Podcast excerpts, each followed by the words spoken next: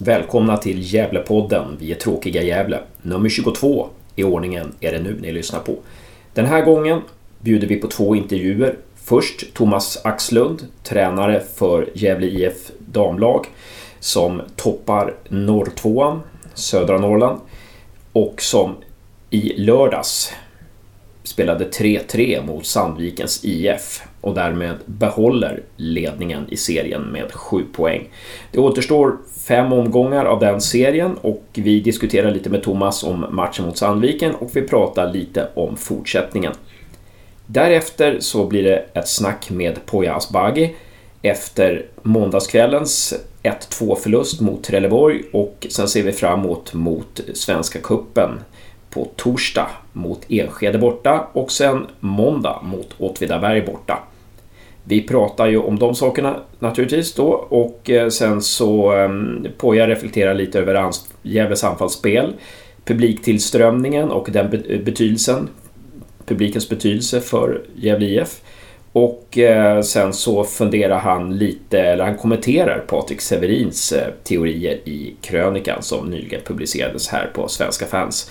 Den tycker jag ni alla ska läsa.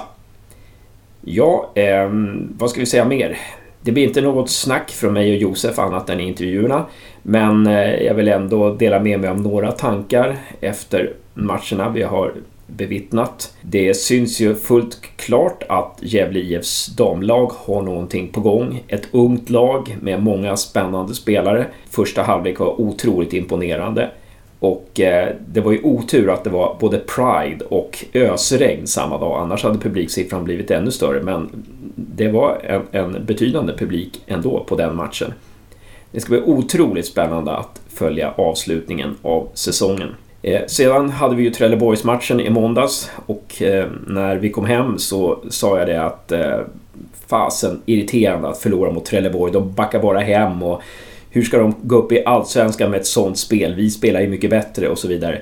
Varpå Josef replikerar Ja, men det är ju så här Gävle IF har spelat under många år.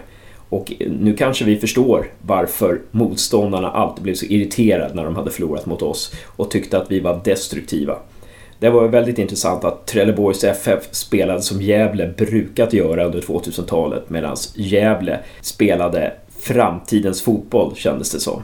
Ja, det är bara att hoppas att eh, bitarna faller på plats och att eh, Gävle börjar plocka poäng igen. Och eh, först gäller det att gå vidare då i Svenska Kuppen torsdag kväll och sen så gäller det att eh, försöka få med sig så många poäng som möjligt mot Åtvidaberg borta på Kopparvallen på måndag. Och som läget är nu i tabellen så är nästan tre poäng en nödvändighet. Ja, det var väl det som jag skulle säga innan ni eh, får lyssna på intervjuerna, innan vi släpper dem loss. Vill ni komma i kontakt med Gävlepodden så är det bara att mejla till eh, gävlepodden gmail.com eller följa oss på Twitter, snabbelag Gävlepodden heter vi där. Ja, eh, kom gärna på tips, med tips vad ni vill att vi ska prata om här. Eh, kom med ris och ros och eh, sen glöm inte heller att swisha Gävle och märka det med kampanj. Vi inser ju nu att siffran för eh, insamlingen är väldigt hög. Vi är över 1,3 miljoner med dubbleringen. Det är ju suveränt. Ja, men jag hoppas det blir en kul lyssning och sen så kan ni se fram emot en ny podd nästa vecka. Ha det gott!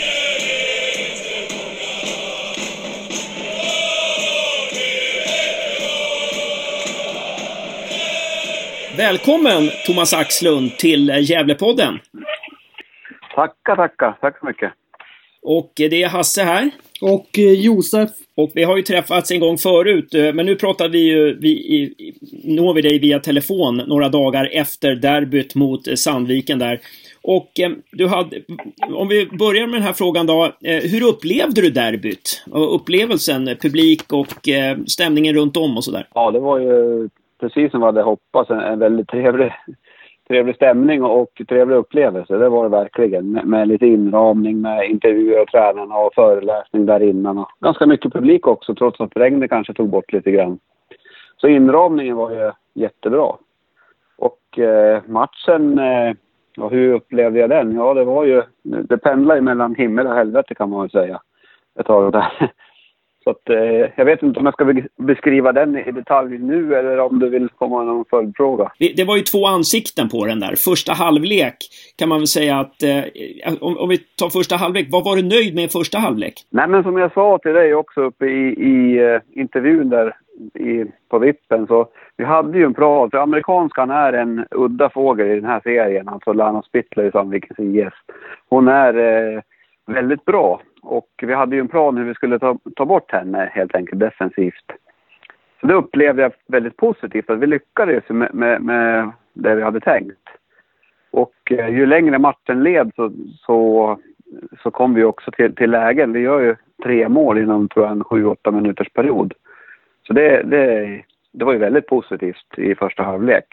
Tyvärr då så, så får de ju möjlighet att göra ett mål tio sekunder kvar och det, det var ju lite tråkigt, men, men så är det när man möter en så bra motståndare också som Sandviken. Mm.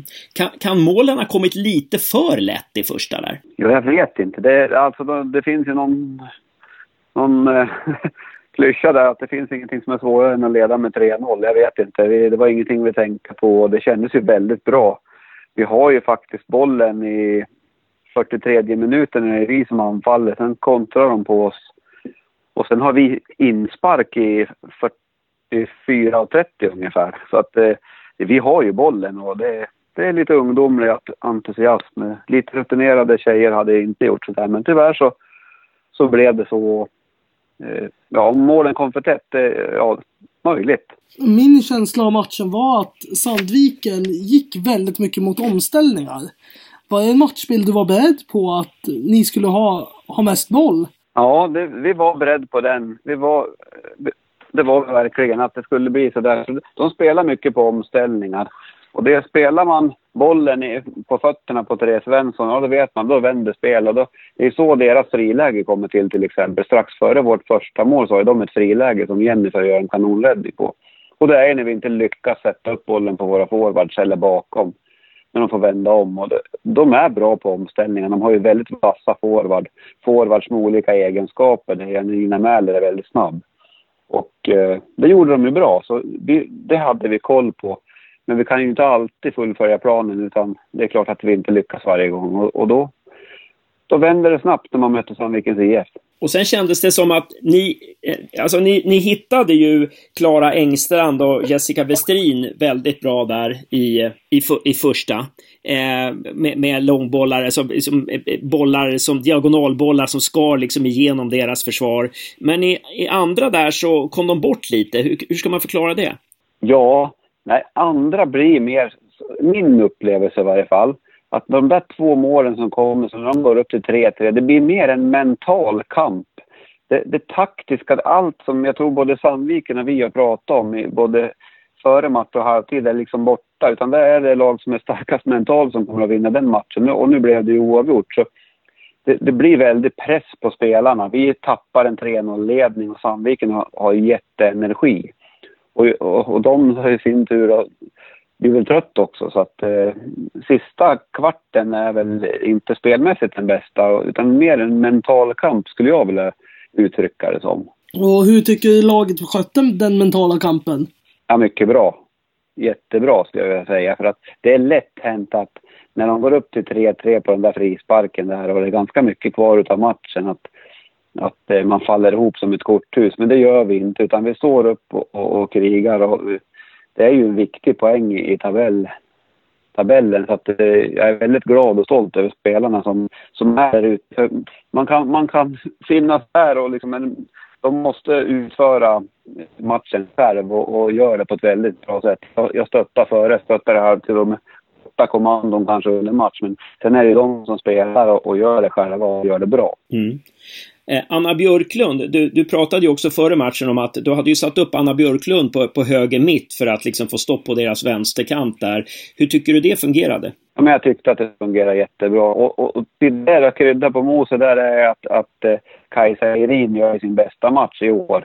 När hon får, eh, dels får ansvar, så får en uppgift att, att eh, Lanna Spittler ska liksom inte springa igenom vårt försvar utan de, Anna och Kajsa tillsammans tycker jag gör en defensivt väldigt bra match.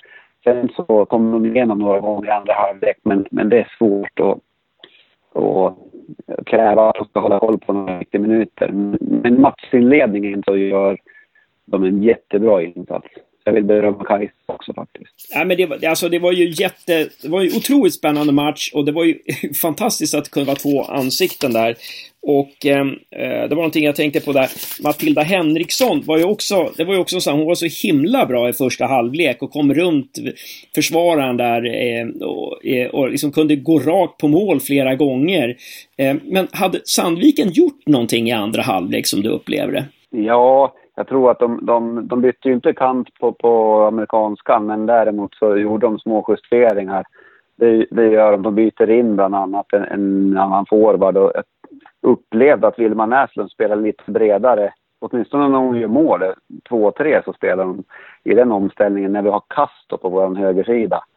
Så nej men eh, det är klart att, eh, att eh, de gör någon förändring. Jag kan inte säga exakt vad de gör, men, men Ja, vad var frågan? Det var Matilda. Hon kom runt lite i första, det gör hon och hon gör det bra. Samtidigt så är Matilda allra, allra bäst på höger sida. Så vår taktik gynnade oss inte kanske helt eh, offensivt utan normalt så är Matilda, hon är bättre på höger, det, kan, det, det ser man också i matchen. Men, eh, så att, eh, taktiken att ta bort amerikanskan, det, den gynnar oss inte helt i, i offensiven, så kan man se det. Men vi gör ju tre mål och, och... Den här Lana Spittler, amerikanskan, var ju fruktansvärt bra alltså. Men, eh, men som tur var så, så gjorde hon, alltså hon, hon eh, ska säga, gjorde en lite sämre andra halva av andra halvleken. Eller kom bort lite då, eller tack vare er kanske. Eh, hur, hur, ser du på det? Ja, nej men det, det kan jag väl hålla med om. Hon är ju väldigt het i den här perioden där de där de eh, gör 2-3 och 3-3 där hon blir fälld också vid 3-3. Och eh, hon är ju riktigt... Hon kanske mattas av lite grann. Sen så repar ju vi mod också efter 3-3 mål och står upp då. Så det kanske är... Vi är ju en liten schackning. De gör sina två mål och det är ju... Det är ju deras förtjänst också såklart. Så jag skyller inte alls ifrån mig utan jag tycker Sandviken gör en jättebra match. Men eh, Lana, jag håller med. Hon är jätte, jättebra och eh, kommer att spela högre upp eh, i Sverige eller någon annanstans. Det är jag helt säker på. Ja, I Gävle IF kanske nästa år när vi spelar division 1? Hon är välkommen. och, eh, om vi tittar lite framåt nu så möter ni Team Hudik. Eh, borta på fredag. Vad, vad är det som man behöver tänka på särskilt just i den matchen? Ja, det, det är ju samma, samma underlag. Det är ju på konstgräs där uppe på Glyshusvallen. De liknar Sandviken på det sättet att det går väldigt fort i omställningen. Alltså det är det här spelet att vi får inte tappa boll på vägen fram utan vi, vi vill avsluta våra anfall och komma till skott eller helst göra mål. Då. Vi ser det att det, går ju väldigt fort och, och Team Hudik har två, tre bra forwards som man gärna ställer om på, löpstarka. Så det blir en liknande matchbild.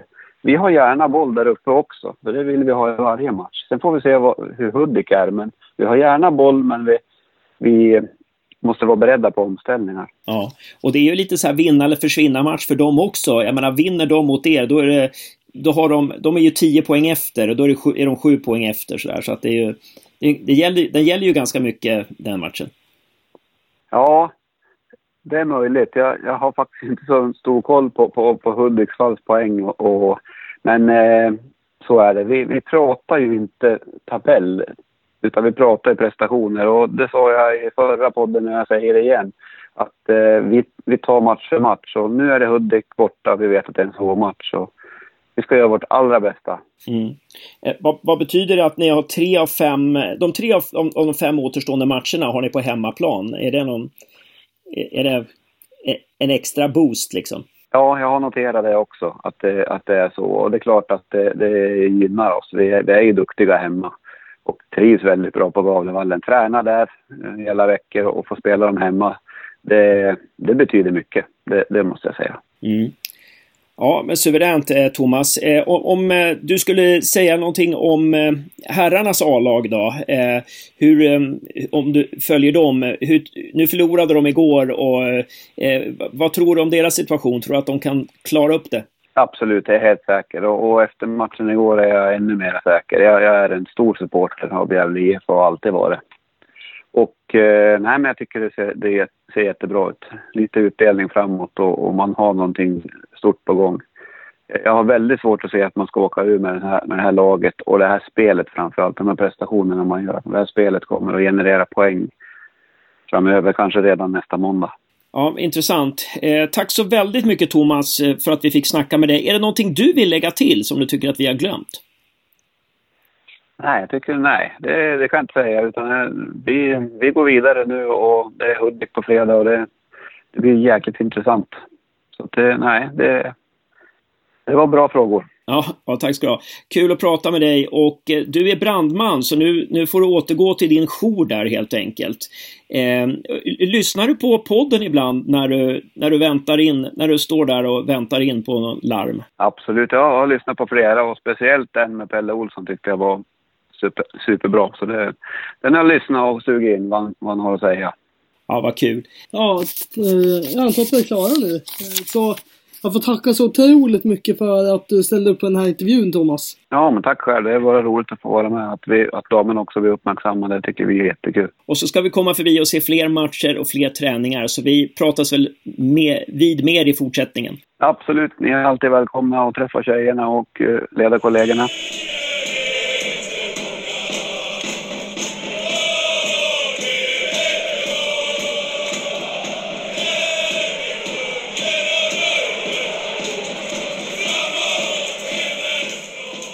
Välkommen Poya Asbaghi till eh, Gävlepodden. Tack så mycket. Och nu är det två dagar sedan ni mötte Trelleborg och har du hunnit smält förlusten än? Ja, självklart. Det ingår i jobbet. Ehm, så att både hunnit smälla, äh, smält förlusten, vi har, vi har hunnit analysera den, vi har hunnit gå igenom den med laget och vi har redan hunnit ladda om fokus för morgondagens kuppmatch mot Enskede egentligen. Om vi återvänder då till, till förlustmatchen mot Trelleborg där. Eh, blev matchutvecklingen som du hade trott? Blev matchen som du trodde att den skulle bli? Eller var det någon överraskning där? Eh, många utav eh, sakerna i matchen blev så som jag faktiskt hade önskat mig. Inte bara att jag hade trott, utan så här, om vi gör det bra så kan det bli så här. Eh, och jag vet ju till exempel, jag pratade med Trelleborgs eh, assisterande tränare efter matchen. Han sa ju själv att de vill ju inte bli så tillbakatryckta till exempel som de blev i den här matchen. Vi hade ett... Vår speluppbyggnad i den här matchen var väldigt bra. Vi hade väldigt lätt för att, för att spela både genom och runt Trelleborg i uppbyggnadsspelet. På ett sätt som jag tyckte var imponerande. Och vi varierade bra också. Vi gjorde det längs marken, vi gjorde det, vi gjorde det lite mer direkt någon gång, vi gjorde det lite mer diagonala någon gång. Och vi fick liksom ut hela registret i vår speluppbyggnad på ett sätt som jag, ska inte säga att jag trodde, men jag önskade att det skulle se ut så. Eh, och det gjorde ju att vi tryckte tillbaka Trelleborg exakt så som vi ville. Vi ville liksom trycka ner dem på deras planhalva och inte låta dem ställa om. Och det tyckte jag vi gjorde jättebra i den här matchen. Sen är det olyckligt, för det är två gånger som vi tappar kontrollen eh, på offensiv planhalva. Eh, ena gången så får de ställa om och sen så blir det mål. Eh, en annan gång får de någon hörna och sen blir det mål. Så vi blir ju hårt straffade. Eh, eh, och samtidigt så hade vi väl kunnat själva behöva vara kanske ännu mer beslutsamma sista tredjedelen för att, för att trots två tunga bakåtmål liksom kunna forcera fler inmål framåt. Men det här var en match som jag tyckte var... Vi förlorar inte den här matchen för att vi inte gör tillräckligt många mål. Vi, vi förlorar den här matchen för att på de få lägen som Trelleborg får så, så sätter de dem. Eh, och, och, de visade sig vara bättre än oss i båda boxarna, tyvärr. Tänkte komma in på också. De, ni har avslut med 8-3 och hörnor med 12-2. Mm. Vad saknas just? Vad behövs för det här lilla sista? Eh, ja, det är en bra fråga. Sådär. Om man konstaterar så här att vad vi har gjort bra och exceptionellt snabbt bra tycker jag, som jag ska ge en stor, stor eloge för alla spelare. Det de har mer och mer blivit bekväma i att vi kan försvara oss med bollen. Eh, för det ska man inte glömma, att många gånger när vi har boll på offensiv planhalva så är syftet såklart att öppna upp Trelleborg och skapa målchanser. Och det handlar lika mycket om att se till så att de inte får ställa om på oss. Eh, och där tycker jag att det här laget har tagit enorma kliv. Jag menar, vi tappar boll i väldigt... Få gånger tappar vi boll i något utsatt läge. Så att vi använder ju bollen för att ha kontroll på hela matchbilden. Eh, att från det också kunna skörda ännu fler målchanser är ju tricket. Att kunna liksom ha den här kontrollen eh, och samtidigt skapa ännu mer rena målchanser. Och för att komma dit är helt enkelt bara att fortsätta jobba med det vi gör varje dag. Det ingår i processen att bli bättre även på de delarna med att veta vem som ska ta vilken löpning när vi får rättvända spelare i olika zoner på offensiv planhalva. Jag hade ju själv inte räknat med att vi skulle stå där i liksom augusti månad och vara tokbra på det här. Om det var någon annan som hade förväntat sig att Gävle ska möta Trelleborg hemma och knappt släppa till målchanser och sen göra, liksom ha tio rena målchanser mot Trelleborg, då, då har man både underskattat och överskattat Gävle och underskattat Trelleborg. För så är det. Och ja, du nämner processen. Du, innan sommaren så tyckte du det var en lång bit, att ni hade en lång bit kvar till eh, det målet. Hur långt tycker du mm. att ni har kommit, ni, äh, kommit nu? Man ska komma ihåg att det är alltid en process. Man kommer alltid... Man jobbar med vissa bitar och man sätter vissa bitar bra och sen så, så är det liksom vidare till nästa grej. Så kommer man alltid som tränare få gå tillbaka till andra bitar beroende på utloppet, eh, prestationen i olika matcher. Men, men om man skulle ändå ta det så här, hur stegvis hur det har gått, så tycker jag att vi har kommit väldigt långt. Vi, vi har en match mot ett, ett lag som kanske spelar i Allsvenskan nästa år. Eh, där vi, ja, och som gjorde fem mål senast mot Norrby, där vi liksom ger dem i princip två, totalt två avslut på vårt mål. Och förutom det knappt bollen. Eh, och vi själva har ju några chanser men vi skulle liksom behöva bli ännu mer tydliga sista tredjedelen. Och just de bitarna med sista tredjedel och sådär, det är väl det som jag känner så att vi skulle kunna bli ännu mer, eh, ännu bättre i om jag ska välja en sak än.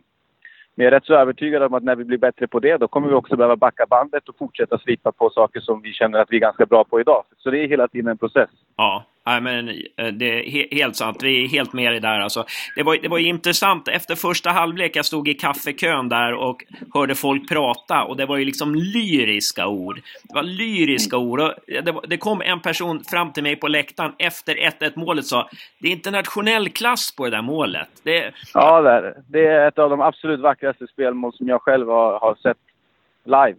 Eh, den innehöll, och vi liksom, jag förklarade för spelarna idag, vi hade videogenomgång och det var liksom så här att jag behöver själv inte förklara lite vad som vi behöver få till i ännu fler anfall. Med löpningar och hur vi ska spela, vilken fot vi ska spela på, vilken spelare och så vidare. Utan de själva gav ju den förklaringen för mig i den 59 minuten med det där målet. För den innehåller i princip alla de delar vi vill ha med både precision, fart, timing eh, och prestigelösa löpningar. Så det var ett klassmål. Och, och fortsätter man jobba konsekvent så får man se fler sådana mål. Vi hade ju ett annat mål mot Gais hemma där vi hade... Jag tror vi fick det till 25 eller 26 passningar inom laget innan det, eh, Christian sköt in den i närtaket. Och det, det är också ett tecken på att vi gör saker bra. Sen eh, är ju målet på oss att få se ännu fler sådana mål. Men, eh, men de gör det bra.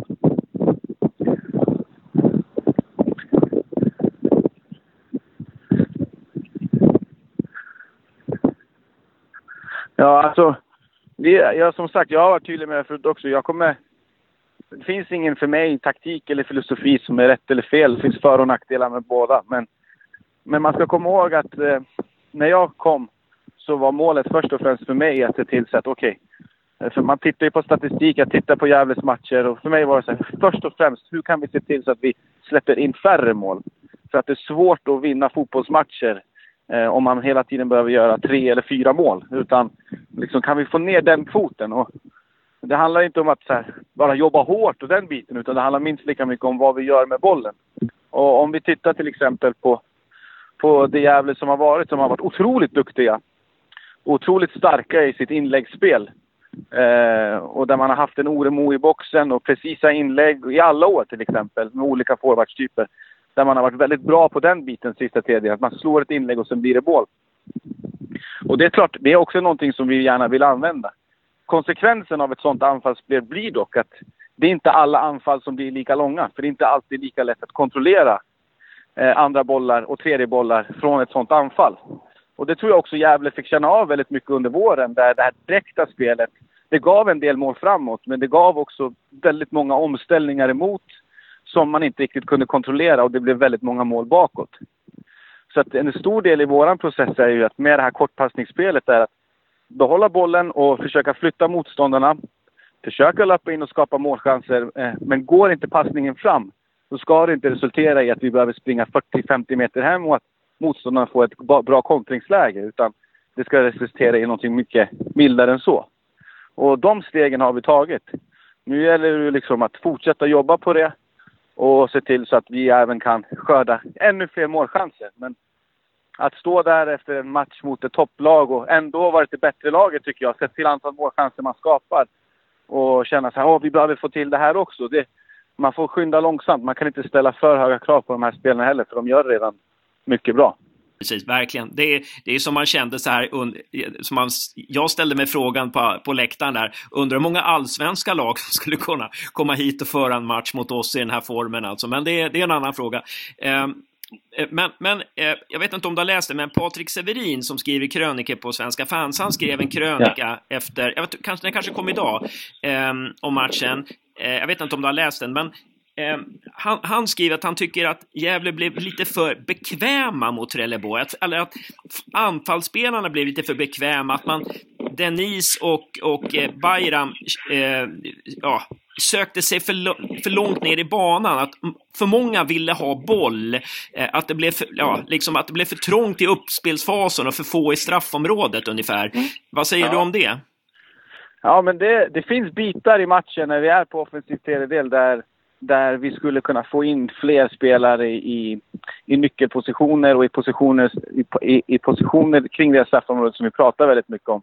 I vissa sekvenser i anfallsspelet i den här matchen så blir det tomt. Jag skulle inte vilja... Eh, det är ganska enkelt att då titta på våra forwards och säga att ja, det är de som måste vara där. Men det där handlar mer om en kollektiv grej. Eh, vi har så pass många skickliga forwards på fötterna så att de ska också kunna ha licens att emellanåt droppa ner i banan och möta boll. Eh, men det är också omgivningen på plan som måste se det och fylla löpningen. Och det var väl kombinationen utav det som vi inte alltid fick till. Om Bayram till exempel droppar ur så vill vi gärna ha en löpning bakom.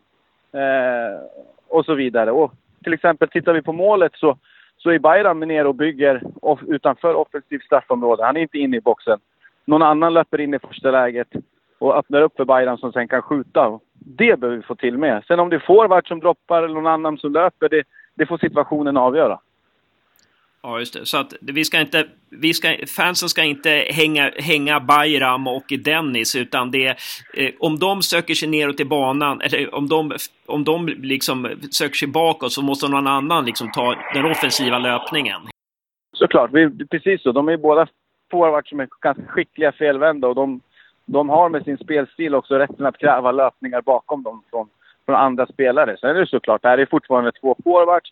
Det är klart att de också ska vara i boxen. Det är ingen snack om saken. Men att bara titta på dem och säga att de ska vara där och det är deras fel att det inte blir mer tryck. Det, det är en kollektiv grej och det, det kommer. För det här kräver att dels att spelarna förstår vad vi vill ha utav vårt anfallsspel, sina roller. Men det handlar väldigt mycket, så, mycket också om att lära känna varandra på plan. Att veta för Diego, när Bayram droppar här så gäller det här för mig och, och samma sak för Dennis eh, tillsammans med, med, med Goti eller någon annan och så vidare. Och där är de inte att de känner varandra ut och in. Däremot tar de framsteg här varje dag så jag är helt övertygad om att det kommer bli bekvämare för dem ju mer det lider.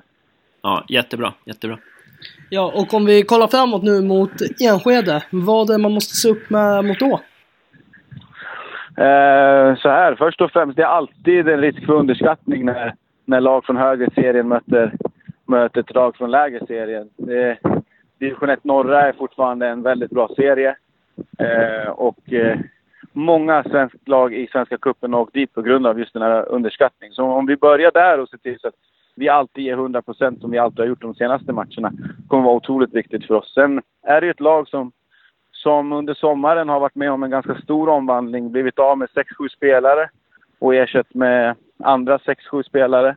Eh, och som nu senast gick och åkte ner ja, till Gävle och Sandviken och vann där med 1-0. Så det är ett väldigt lurigt lag. Det är svårt att säga exakt vilket lag de kommer ställa på benen. Men eh, vi kommer inte få någonting gratis och de kommer jobba ganska hårt med vad jag såg i alla fall var en fembackslinje senaste matchen. Så vi kommer behöva vara göra, liksom, visa oss från vår bästa sida för att kunna ta oss till cupen nästa år. Ja, var, du, var du och såg Enskede möta, uh, när de möttes? Nej, jag har fått matchen på video däremot. Det kan vi tacka Sandvikens IF. Det är första bra de har gjort för oss på länge. Ja, exakt. Men hur många för- förändringar kan man förvänta sig i startelvan? Många. Eh, för oss handlar det om att ha ett så fräscht lag som möjligt egentligen. Eh, och det fräschaste laget som vi kan ställa på benen imorgon, det kommer vara det bästa laget. Eh, och i och med att vi har ett schema nu på två veckor med sex matcher på de här två veckorna så är fräschhet är nyckelordet för oss till imorgon. Så många förändringar. Alltså man, så det är stor chans att man kom, kommer få se Io spela för första gången. Eh, det finns en väldigt stor chans för det, ja. Ja, just det. Eh, vad, vad skulle du säga är skillnaden mellan i, i, Igor och eh, Jonas Lantto där? Vad, liksom, vad, vad, um, jag, jag tror att vi har pratat om det förut, men inte i podden. Men vad, vad är, vad är, vad är liksom skillnaden mellan dem? Om, om Igor kom in istället för Jonas, vad, vad blir vårt spel då? Ehm, ja, men eh, så här att Jonas Lantto har ju förvisso varit en spelare som har spelat på andra positioner tidigare i sin karriär, både som ytter och lite mer offensiv och har fått en mer tillbakadragen roll. Jag tycker Lantto under sin tid med mig har visat framför allt, först och främst, att han har lärt sig det defensiva den här positionen kräver på ett otroligt bra sätt. Jag tycker hans match nu senast mot Trelleborg är han för mig facit. Exakt hur en balansspelare ska jobba i, i det defensiva. Och sen har han ju ändå fått utlopp för, för sin fina fot och han vänder spelet bra för oss. Så att faktiskt har Jonas växt mer och mer in i att ibland glömmer man att det här är hans första år på den positionen. Eh, Igor är ju lite liknande för att när han kom till oss så har han ju först och främst spelat som, som lite mer offensiv mittfältare. Ganska teknisk sådan. Eh, och mycket av det som Lanto har redan lärt sig har Igor framför sig kring det här med position och, och så, kring den här positionen. Däremot så är jag ganska övertygad om att när Igor får ordning på de här grejerna, eh, vilket inte alls behöver vara liksom tio år framåt utan ganska snart, så har han en väldigt bra teknik på små ytor och väldigt mycket i en sån här balansroll eller en central mittfältsroll kommer naturligt för honom. Han löser svåra situationer. Liksom han kan få ett problem av en, av en medspelare och ge en lösning till en annan. Det är lite så. Och sen dessutom har han en, en bra längd och en bra fysik som skulle passa. Så att han behöver också acklimatisera sig och anpassa sig för den här positionen på ett sätt som Lanto har gjort med mig under några månader. Och när Igor får det, då är jag övertygad om att vi får se en väldigt bra central mittfältare. Ja, just det. Just det. Eh, nu, nu skrev Josef en fråga till mig här. Mm. Nu, går, nu går vi våra, våra eh, otroligt professionella roller här. Börja... Va, va, vad menar du? Ja men hur... Io var ett väldigt okänt namn på marknaden för alla svenskar. Eh, ja, och hur hittade ni han? Hur fick ni upp hans namn på radarn? men det är lite som det blir många gånger som det funkar med. Vi har ju kontakt med väldigt många olika rådgivare och agenter. Och man får ganska många rekommendationer skickat till sig framförallt under tiden som fönstret är öppet. Och många klipp tittar man på, många spelare tittar man upp och så märker man så här, ja, bra spelare men inte, in, passar inte riktigt in hos oss. Och Igor var ett sånt fall där vi tittade och kände, okej, okay, det här är en spelartyp som är ganska intressant för oss. Och sen bjöd vi in honom på träning och det visade sig stämma ännu mer där och sen blev han en Gävlespelare. Det var inte mer komplicerat än så egentligen. För om man tänker de tidigare värvningarna så har du haft någon kontakt med dem. Jag tänker bara Ja. Diego. Och Per hade ju Ja. med Malmö. Precis så. Det, och i vissa fall när man värvar så, i till exempel med vissa spelare så har jag haft ganska bra koll på dem. För jag har jobbat med dem tidigare. Och de är också såklart, det är ganska bra värvningar för du vet oftast vad du får. Jag vet vilka spelarna är både som person och som fotbollsspelare. Och Igor var ju inte riktigt en sån värvning. Eh, och ja, vi är glada i alla fall att vi kunde ägna fönstret åt att värva lite både och. Både spelare som jag känner till och lite nya spännande namn som, som kan slå väldigt väl ut. Både på kort och lång sikt. Så hoppas vi att Jimmy Morén lyssnar på den här podden och hör att han heter Igor och ingenting annat. Eh, Ja, alltså, ja, Igor säger ju till mig Igor och jag tror Igor själv är den bästa personen i världen att veta vad han är, själv heter. precis, precis. Även om Jimmy Morén hävdar motsatsen. Eh, Ja. eh, Ja, men slutligen då eh, Poja, eh, Åtvidaberg nu då på måndag och eh, Ja. eh, 38 mil söderut. Eh, ett, det är konstgräs där va?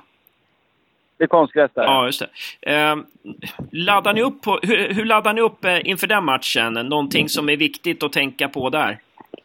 Eh, först är det att ha fokus på cupmatchen imorgon. För det är lätt hänt att vi börjar titta på Åtvid och så glömmer vi att vi har en, en viktig cupmatch imorgon som inte bara är viktig för att vara med i Svenska cupen utan vi vet vad det ger att vara med i ett gruppspel i Svenska cupen. Det ger en fantastisk försäsong nästa år.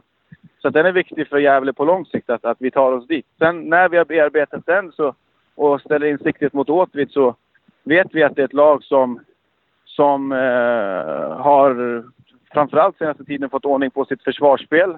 Och, och eh, vi kommer nu från en match mot Trelleborg där vi gör väldigt många saker bra, men det blir också ett perfekt läge för oss att försöka få till sista tredjedelen ännu mer. För jag tror att vi kan ta oss dit om vi gör saker rätt.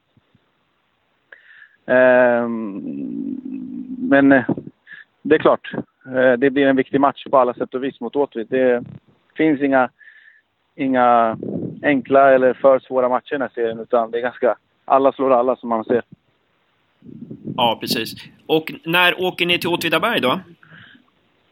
Eh, då åker vi på söndagen, så matchen är på måndag. Ja, just det. Just det. Det är en ny måndagsmatch. Ja, precis, precis. Hur är det? För, eh, vad tycker du? Föredrar du lördagsmatcher eller? Ja, ja, jag gillar... Jag kan gilla det här med måndagsmatcher också. Det är så nära Champions League-tider vi kommer här i Sverige. För att vi ska känna oss som de bästa spelarna och tränarna i världen. Nej då, men det, jag tyckte också, om vi tittar på matchen senast mot Trelleborg, det var en måndagsmatch klockan sju. Jag tyckte det var en fantastisk eh, inramning på Gavlevallen. Jag vet att de som var med i Allsvenskan och sådär, de fick ju se flera tusen på läktarna. Men för oss som har varit med här i Superettan så, så var det en bra publiksiffra. Och en fantastisk inramning. Jag menar, från klacken till de som stod bakom mig också. Det var, det var förtjänt av tre poäng. Och jag hoppas att folk, folk fortsätter dyka upp även fast det inte blev tre poäng den här gången. För att det var... Det var så där får det gärna vara varje gång. Måndagsmatch klockan sju och så en sån inramning. Ja. Ja, fantastiskt. Ja, det blir ju lite mer, det blir mer koncentration liksom på planen när det är, när det är strålkastarljus och lite mörkare runt omkring och sådär. Så att, eh, Ja, såklart. Och det är klart det betyder mycket för spelarna också. De, de, eh, de känner ju av stödet från, från runt omkring och när man tittade upp mot eh, kortsidan där med alla jävla fans så var det fler än någonsin, i alla fall sedan jag hade kommit. Och det påverkar spelarna på plan, vare sig man tror det eller inte. De, det, är, det är en stor anledning till varför lag vinner mer hemma än borta. Det är liksom självklart. ja. Ja, jätte, jättetack på Jag ska se, Josef, har du något mer? Nej, inga fler frågor. Men tack för att du alltid ställer upp. Ja, ja, men det är alltid lika kul, det vet ni. Ja, tack så väldigt mycket. Och eh, lycka till med, med matchandet och tränandet framöver nu. Och så håller vi tummarna först och främst mot eh, Enskede imorgon. Yes, så kör hårt med poddandet ni så länge. Tack så, Tack så mycket. mycket. Vi ses och hörs. Bra. Hej. Hej, hej.